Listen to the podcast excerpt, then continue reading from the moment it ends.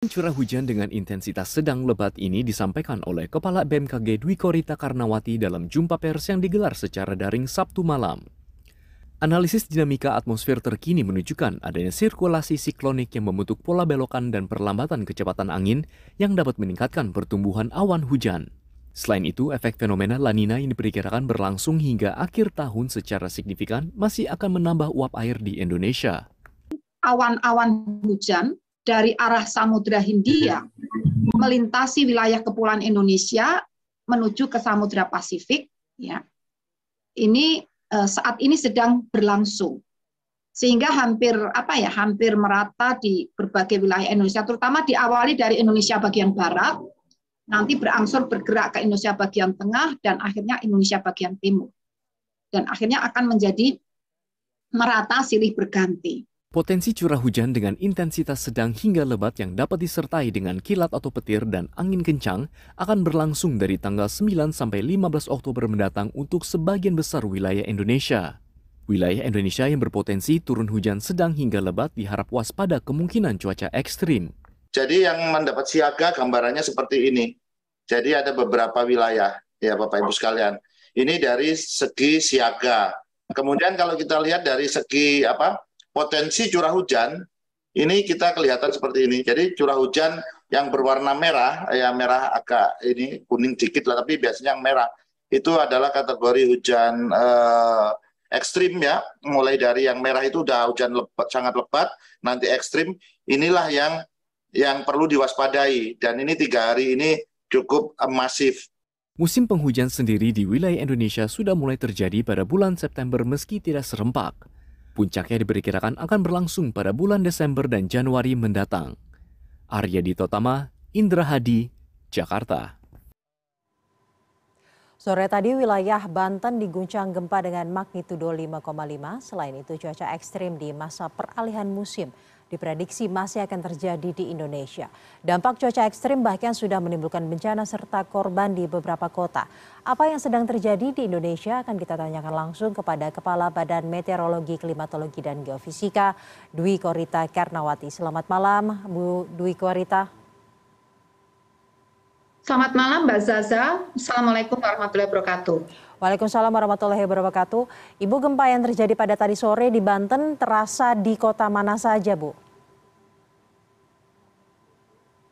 Ya, eh, jadi gempa yang eh, tadi terjadi di Banten ini sebetulnya eh, apa merupakan gempa yang pusat gempanya berada pada eh, di dalam apa lempeng Indo Australia pada kedalaman 47 km.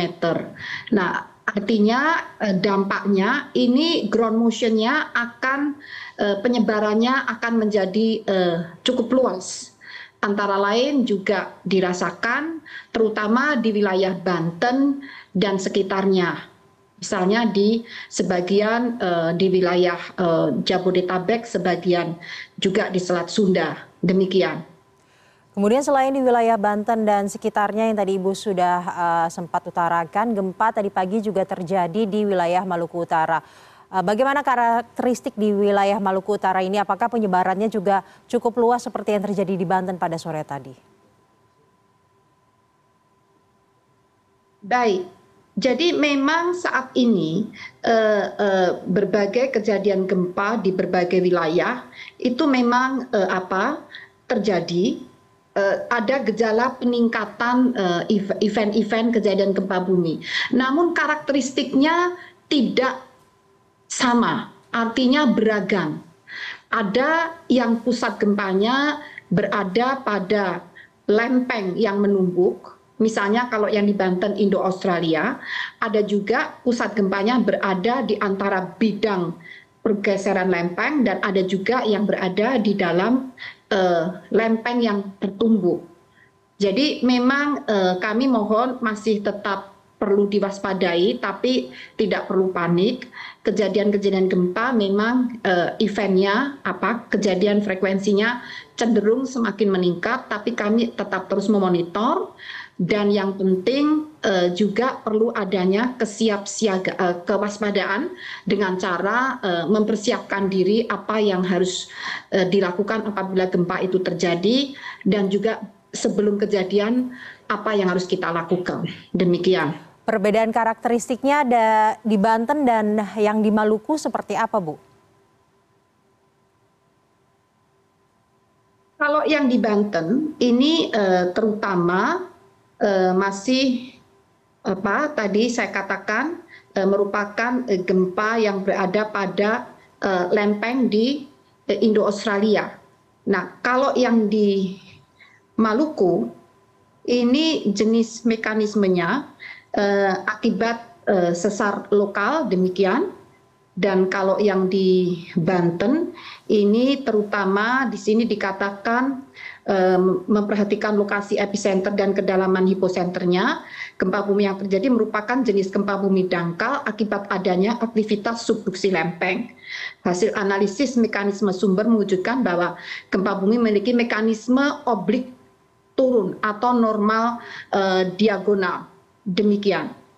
Baik, kemudian Bu, tadi sempat disampaikan mengenai adanya peningkatan kejadian gempa bumi. Mungkin bisa dielaborasi atau dijelaskan lebih lanjut terkait hal ini, Bu.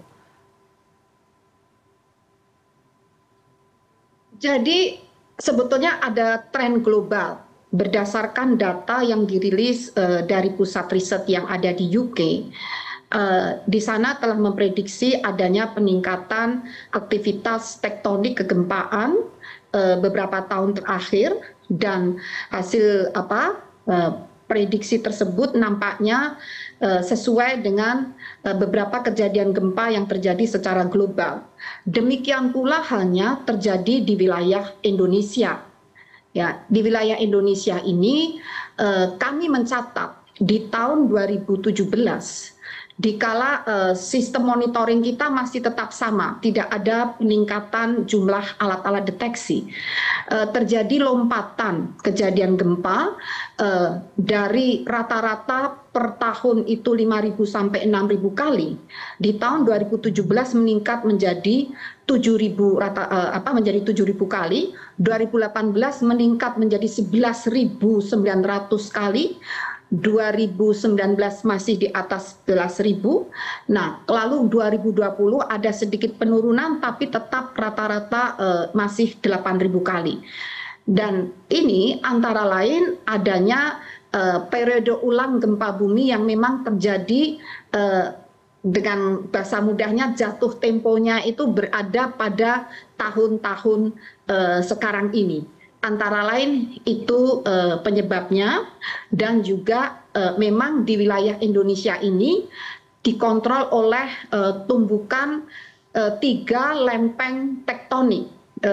Tidak sebagaimana di negara-negara lain umumnya itu hanya dua lempeng tektonik. Di Indonesia ini terutama lempeng Indo-Australia, lempeng uh, Eurasia, kemudian juga lempeng Pasifik, bahkan ada juga lempeng Filipina.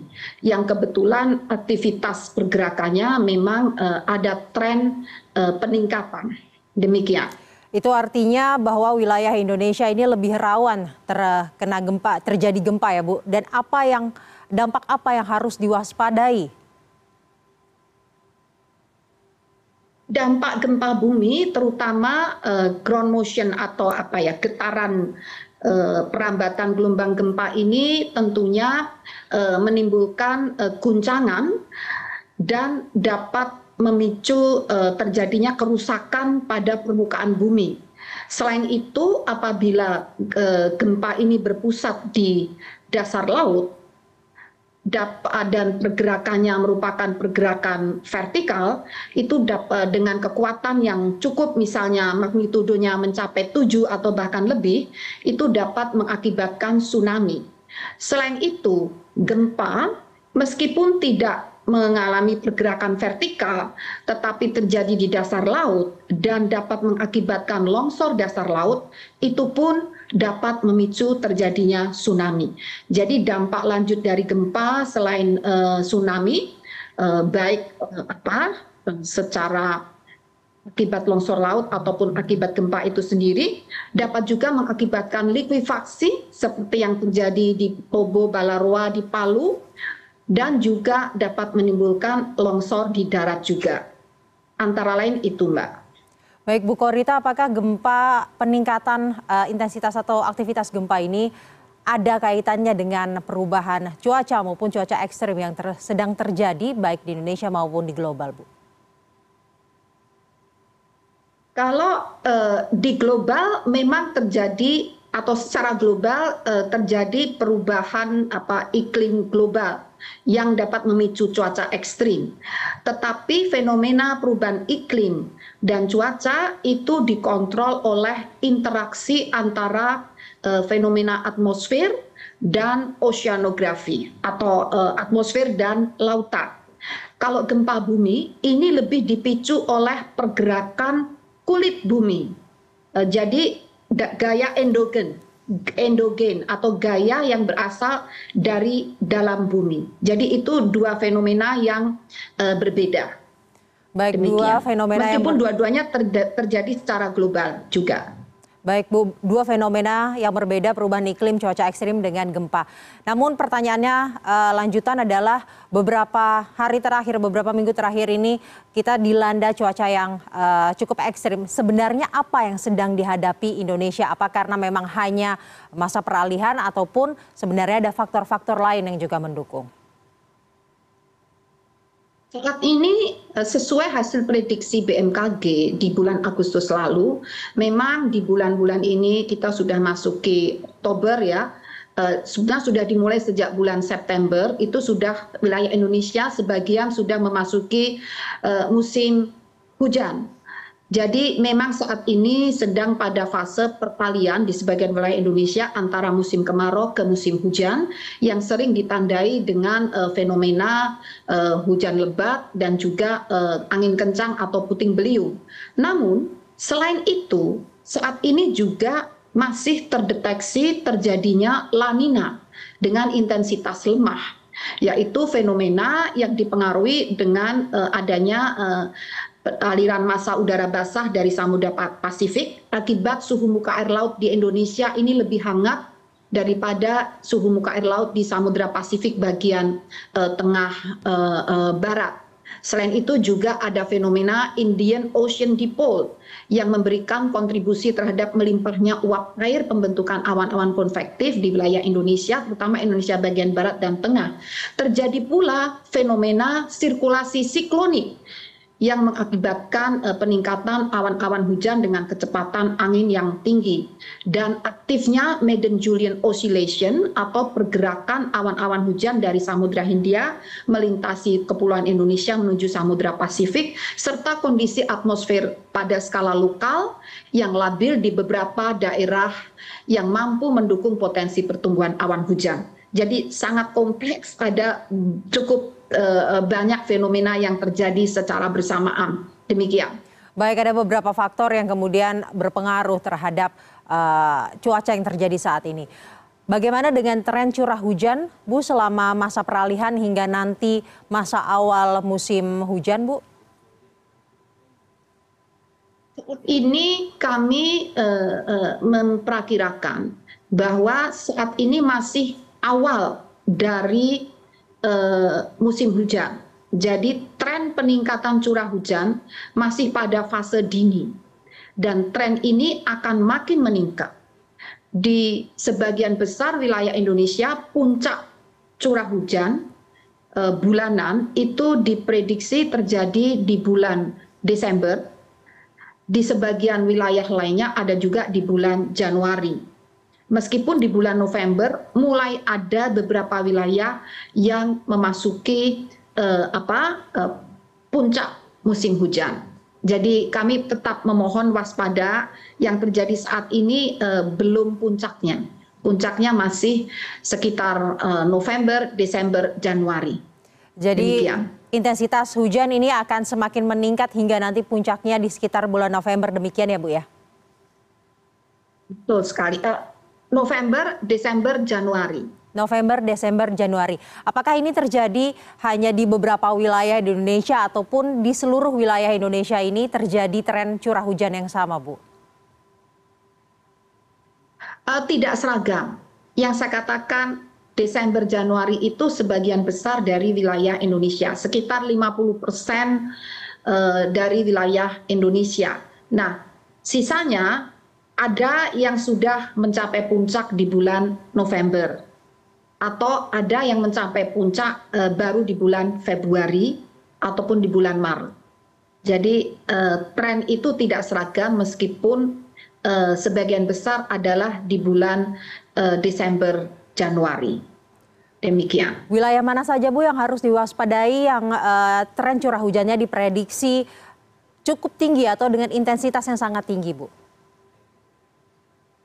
Nah, khusus untuk sepekan ke depan, jadi ini yang paling dekat, sepekan ke depan itu hampir di seluruh provinsi, mulai dari Aceh, Sumatera Utara, Riau, Kepulauan Riau, Bangka Belitung, Jambi, Bengkulu, Sumatera Selatan, Lampung, Banten masih, DKI Jakarta masih, Jawa Barat, Jawa Tengah, DIY, Jawa Timur, Bali, Nusa Tenggara, bahkan Kalimantan, hampir ya di seluruh provinsi, juga di Sulawesi, yaitu Sulawesi Utara, Gorontalo, Sulawesi Tengah, Sulawesi Barat, Sulawesi Selatan, Tenggara, dan juga di Maluku Utara, Maluku, Papua Barat, dan Papua. Namun untuk tiga hari ke depan, yang perlu diwaspadai, jadi tiga hari ke depan itu adalah sebagian wilayah Aceh, sebagian wilayah Banten, sebagian DKI Jakarta, Jawa Barat, Jawa Tengah, Jawa Timur, Kalimantan Barat, dan Kalimantan Tengah.